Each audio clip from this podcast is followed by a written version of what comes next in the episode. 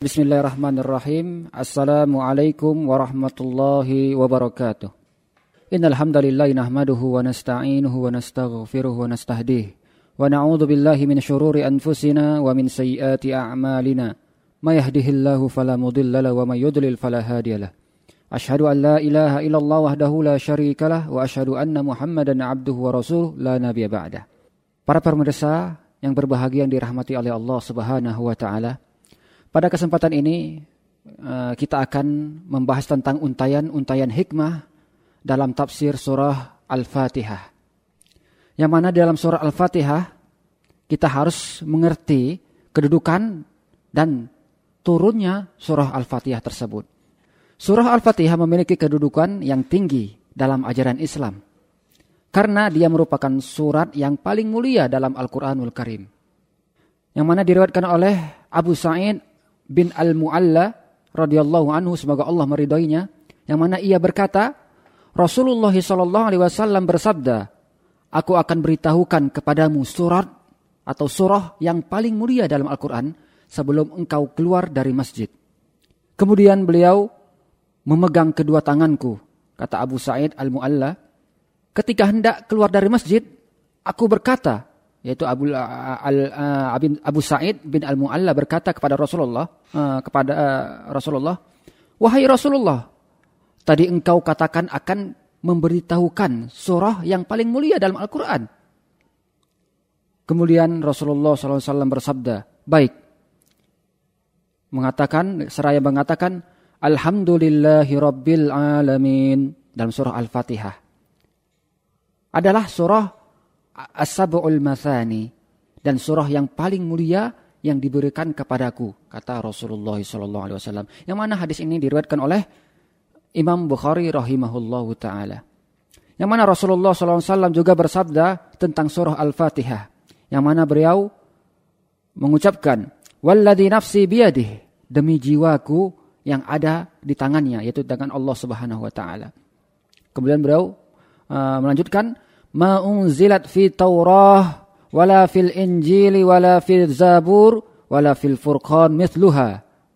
Belum pernah diturunkan dalam Taurat, Injil, Zabur dan Al-Qur'an surat semacamnya kata Rasulullah SAW. Innaha sab'un minal mathani wal Qur'anul azim alladhi u'tituhu. Yang mana beliau mengucapkan dialah as-sab'ul minal mathani yaitu surah Al-Fatihah yang dimaksud di sini. Dan Al-Qur'an yang agung yang diberikan kepadaku kata Rasulullah SAW. Yang mana hadis ini diriwayatkan oleh Imam Tirmidzi. Kedudukan yang tinggi ini jelas memiliki makna yang sangat dalam.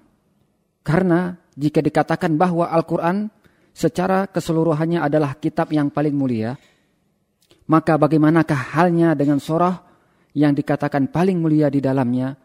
Hal ini pada gilirannya menuntut seorang muslim untuk menempatkan surah ini sesuai kedudukan yang telah Allah tetapkan kepadanya. Baik dari segi bacaan, pemahaman hingga pada pengamalannya atau aplikasinya. Mengenai tempat turunnya uh, turunnya turunkannya terdapat beberapa riwayat tentang hal ini namun uh, pendapat yang lebih kuat menunjukkan bahwa surah Al-Fatihah ini diturunkan di kota Mekah yaitu sebelum Rasulullah SAW hijrah ke Madinah. Karenanya surah ini disebut dengan surah Makkiyah, yaitu surah yang turun sebelum Rasulullah SAW berhijrah. Perlu kita ketahui juga bahwa nama lain dari surah Al-Fatihah yaitu surah Al-Fatihah adalah banyak nama-nama yang mempunyai banyak nama yang diberikan kepada surah ini. Yang pertama di antaranya adalah yang pertama Fatihatul Kitab yang mana artinya adalah pembuka Alkitab atau pembuka Al-Quran. Dikatakan demikian karena surah ini berdasarkan ketetapan wahyu ditempatkan sebagai awal surah dalam penyusunan surat-surat Al-Quran. Padahal dia bukan wahyu pertama yang Allah turunkan dalam Al-Quran. Dikatakan demikian pula karena surah Al-Fatihah dijadikan pembuka bacaan surah Al-Quran dalam salat. Hal ini jelas menunjukkan keutamaan surah Al-Fatihah karena tidaklah dia didahulukan dan diletakkan di awal mushaf kecuali karena kedudukannya yang sangat mulia. Subhanallah. Kemudian nama lain dari surah Al-Fatihah adalah Ummul Quran atau Ummul Kitab. Yang mana artinya adalah induk Al-Quran. Dikatakan demikian karena dalam surah ini terkandung seluruh pokok ajaran dan nilai yang terkandung dalam Al-Quranul Karim. Hal ini, hal tersebut dapat dipahami dalam uraian tentang makna yang terkandung dalam surah Al-Fatihah tersebut. Kemudian nama yang lain dari surah Al-Fatihah adalah yang ketiga As-Sab'ul Mathani. Dikatakan As-Sab' yang berarti tujuh. Karena surah Al-Fatihah adalah surah yang disepakati oleh ulama terdiri dari tujuh ayat. Dikatakan Al-Mathani karena surah Al-Fatihah adalah surah yang selalu dibaca berulang-ulang dalam setiap rakaat salat. Maka Al-Fatihah dikatakan As-Sabu'ul Mathani karena surah ini terdiri dari tujuh ayat dan selalu dibaca berulang-ulang oleh setiap muslim khususnya dalam mendirikan solat. Yang mana Allah Subhanahu wa taala berfirman, "Walaqad atainaka sab'am minal mathani wal Qur'anal 'azim." Di dalam surah Al-Hijr ayat 87. Yang mana artinya dan sungguhnya sesungguhnya kami telah berikan kepadamu tujuh ayat yang dibaca berulang-ulang dan Al-Quran yang agung. Kata Allah subhanahu wa ta'ala. Kemudian nama lain dari surah Al-Fatihah yang keempat adalah As-Salah atau As-Salat. Nama ini diambil dari hadis Qudsi yang mana Rasulullah SAW bersabda, Allah subhanahu wa ta'ala berfirman, Qasamtu salata baini wa baina abdi nisfaini. Yang mana Allah berfirman, Aku bagi sholah, yaitu surah Al-Fatihah yang dimaksud di sini adalah antaraku dan hambaku menjadi dua bagian, kata Allah. Kalau Allah Ta'ala wali abdi masa'al. Dan bagi hambaku apa yang dia minta, kata Allah. Fa'idha qalal abdu alhamdulillahi rabbil alamin. Kata Allah.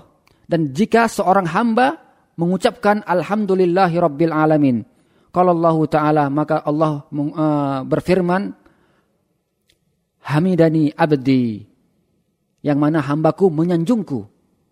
Fa'idha qala jika seorang hamba tersebut mengucapkan Ar-Rahmanir Rahim. Kalau Allah Ta'ala selalu lalu Allah mengucapkan berfirman Athna alayya abdi yang mana hambaku telah menyerahkan urusannya kepadaku. Atau memuji kepadaku. Menyanjungku.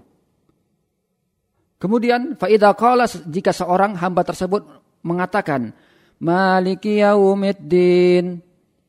Allah berkata hambaku telah telah menyerahkan urusannya kepadaku.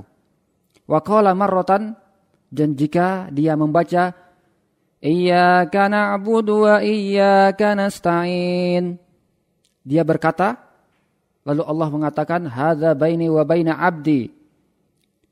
Wali 'abdi ma sa'al, kata Allah Subhanahu wa taala. Dan bagi hambaku apa yang dia mohon, kata Allah Subhanahu wa taala. Kemudian jika seorang hamba tersebut mengatakan ihdinas siratal mustaqim. Kemudian siratal ladzina an'amta 'alaihim ghairil maghdubi 'alaihim waladdallin. Qala hadza li abdi wa li abdi ma sa'al. Dan jika seorang hamba tersebut mengucapkan ihdinas siratal mustaqim, siratal ladzina an'amta 'alaihim ghairil maghdubi 'alaihim waladdallin, maka Allah Subhanahu wa taala seraya berfirman ini untuk hambaku dan bagi hambaku apa yang dia mohon kata Allah SWT. Yang mana hadis ini diriwayatkan oleh Imam Muslim rahimahullahu taala. Dalam hadis ini Rasulullah SAW menyebutkan surah Al-Fatihah dengan istilah as-solah Tampaknya hal ini dikaitkan dengan kedudukan surah Al-Fatihah dalam salat itu sendiri yang merupakan rukun terpenting dalam ibadah salat. Sehingga Rasulullah SAW bersabda, La salat liman lam yakra' bi fatihatil kitab, kata Rasulullah. Tidak ada salat eh, bagi seorang yang tidak membaca fatihatul kitab atau tidak membaca surah Al-Fatihah. Itu yang diriwayatkan oleh Imam Bukhari dan Muslim. Kemudian nama yang lain yang kelima dari surah Al-Fatihah ialah An-Nur yang berarti kan cahaya. Dari Ibnu Abbas rahimahullahu taala dia berkata ketika malaikat Jibril alaihissalam duduk di sisi Rasulullah SAW, dia mendengar suara berderak di atasnya.